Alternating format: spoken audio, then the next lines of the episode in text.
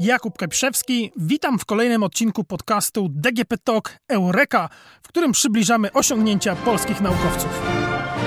Ach, najjaśniejsza niepodległa. Zaczęliśmy z wysokiego C, ponieważ w DGP Talk jesteśmy przekonani, że Polska jeszcze może być mocarstwem. Może być Polska od morza do morza, od anody do katody od baterii do baterii, bo właśnie bateriom litowo-jonowym, a konkretnie ich recyklingowi, będzie poświęcony dzisiejszy odcinek podcastu Eureka.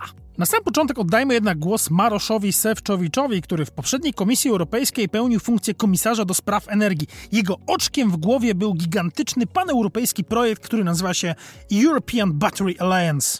I am extremely proud to say that we are turning the tide on batteries. Z dumą mogę powiedzieć, że w przypadku baterii udaje nam się odwrócić kijem Wisłę, powiedział komisarz i faktycznie ma powody do dumy, ponieważ European Battery Alliance to jest jego dziecko, jego i oczywiście kilku innych polityków w Unii Europejskiej, którym bardzo zależało na tym, żeby nadrobić dystans starego kontynentu do innych miejsc na świecie, gdzie technologie produkcji baterii, zwłaszcza właśnie litowo-jonowych, posunęły się znacznie bardziej do przodu i moce produkcyjne są znacznie większe. European Battery Alliance, do którego należy również Polska, ma zmienić ten stan rzeczy. Nie tylko ma zwiększyć moce produkcyjne tutaj na starym kontynencie, ale ma też doprowadzić do wynalezienia zupełnie nowych technologii bateryjnych tutaj, made in Europe, made in Poland, made in Germany, made in France. Jeżeli Europa chce w ogóle myśleć o tym, żeby dogonić obecnych liderów technologii litowo-jonowych, musi postawić na własny know-how w tym zakresie. I dzisiaj chcielibyśmy przedstawić taki właśnie wynalazek. Jest to linia do recyklingu baterii litowo-jonowych opracowana przez sieć badawczą Łukasiewicz Instytut Metali Nieżelaznych w Gliwicach. Jeżeli jakiś kraj chce zostać potentatem w produkcji baterii litowo-jonowych, musi najpierw zabezpieczyć dostawy surowców niezbędnych do ich wytwarzania. To można zrobić na kilka różnych sposobów. Przede wszystkim można dogadać się z tymi, którzy już w tej chwili wydobywają materiały, które będą nam potrzebne do produkcji baterii, takie jak na przykład kobalt albo nikiel. Problem polega na tym, że często jest to śliski deal, zarówno pod biznesowym, jak i środowiskowym względem, czasami nawet etycznym, ponieważ te pierwiastki często wydobywa się w krajach o podejrzanej reputacji, gdzie wykorzystywana jest na przykład siła robocza dzieci takich jak Demokratyczna Republika Konga. Dlatego alternatywą jest oczywiście prowadzenie recyklingu baterii litowo-jonowych i tak naprawdę nie mamy w sumie innego wyjścia. Po pierwsze dlatego, że są regulacje europejskie, które nakazują nam prowadzenie takiego recyklingu. Po drugie dlatego, że gdyby mielibyśmy te zużyte baterie pakować na statki i wysyłać do jakiegoś innego kraju, po prostu oddajemy im żywą gotówę. A nie trzeba chyba nikogo przekonywać, że w każdym gospodarstwie domowym tej żywej gotówy, nawet jeżeli w tej chwili jest jeszcze używana, to za chwilę będzie będzie dosyć dużo. Wystarczy się rozejrzeć po prostu po mieszkaniu i policzyć każdą komórkę, laptopa, słuchawki bezprzewodowe, przenośny głośnik, tablet, smartwatcha, powerbank, elektryczne zabawki, a może drona, coraz częściej hulajnogę albo elektryczny rower. W przeciętnym gospodarstwie domowym bez większego wysiłku możemy naliczyć przynajmniej 10 akumulatorów litowo-jonowych. A to oznacza, że możemy już sensownie zacząć rozważać taką opcję jak recykling. I właśnie w takiej sprawie jakiś czas temu do sieci badawczej Łukasiewicz Instytutu Metali Nieżelaznych w Gliwicach zgłosiła się firma z Gorzowa Wielkopolskiego, która potrzebowała właśnie linii do recyklingu baterii litowo-jonowych. Co powiedzieli naukowcy na propozycję współpracy?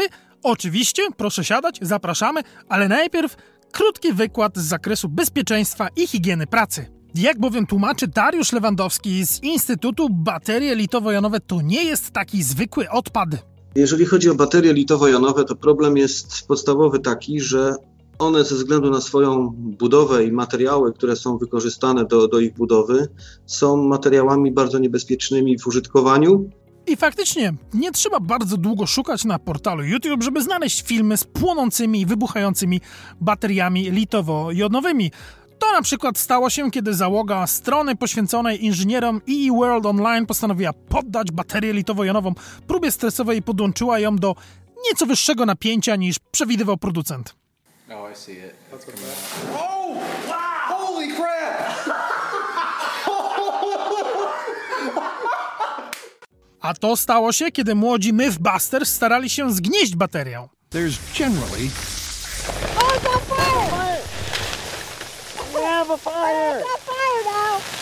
w związku z tym, zanim zabierzemy się za jakąkolwiek próbę recyklingu baterii litowo-jonowych, trzeba najpierw takiego pacjenta unieszkodliwić. Przede wszystkim trzeba spróbować zdezaktywować po prostu tą energię, którą posiadają y, baterie. Ten prąd resztkowy, jak to niektórzy nazywają, no bo po prostu to on jest odpowiedzialny za to, że bateria przy próbie, nie wiem, jakiegoś przerobu mechanicznego zapali się. Unieszkodliwić takiego pacjenta można na kilka różnych sposobów. Inżynierowie z Gliwic wybrali mrożenie. Tak więc na opracowanej przez naukowców linii bateria najpierw jest schładzana. Potem jest rozbierana z plastikowej obudowy, jeżeli taką posiadała.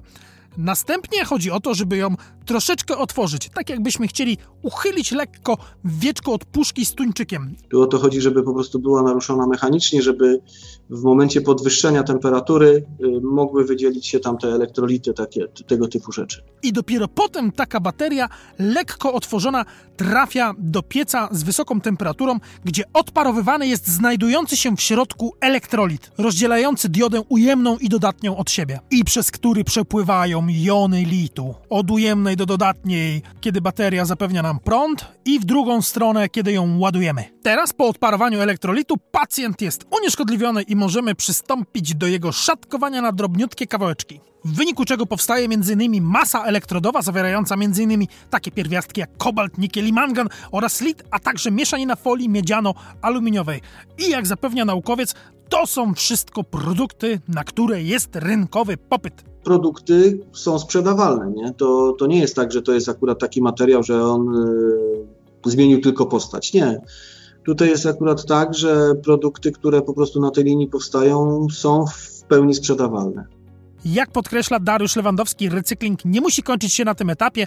Poszatkowane fragmenty baterii litowo-jonowych można bowiem poddać dalszej obróbce, na przykład hydrometalurgicznej, czyli pod wpływem różnych kwasów i różnych innych żrących substancji można by było starać się wytrącić te poszczególne pierwiastki po to, żeby otrzymać czysty kobalt i czysty nikiel, a nie kobalt i nikiel w jakichś innych związkach chemicznych. To jednak oczywiście wymaga dalszych nakładów, jak również wydatku energetycznego. Takie technologie na świecie już są i naukowcy pracują nad tym, żeby one były mniej energochłonne, żeby w efekcie produkt, który na samym końcu tego całego długiego łańcucha technologicznego recyklingu powstaje, żeby był jeszcze bardziej ekonomiczny.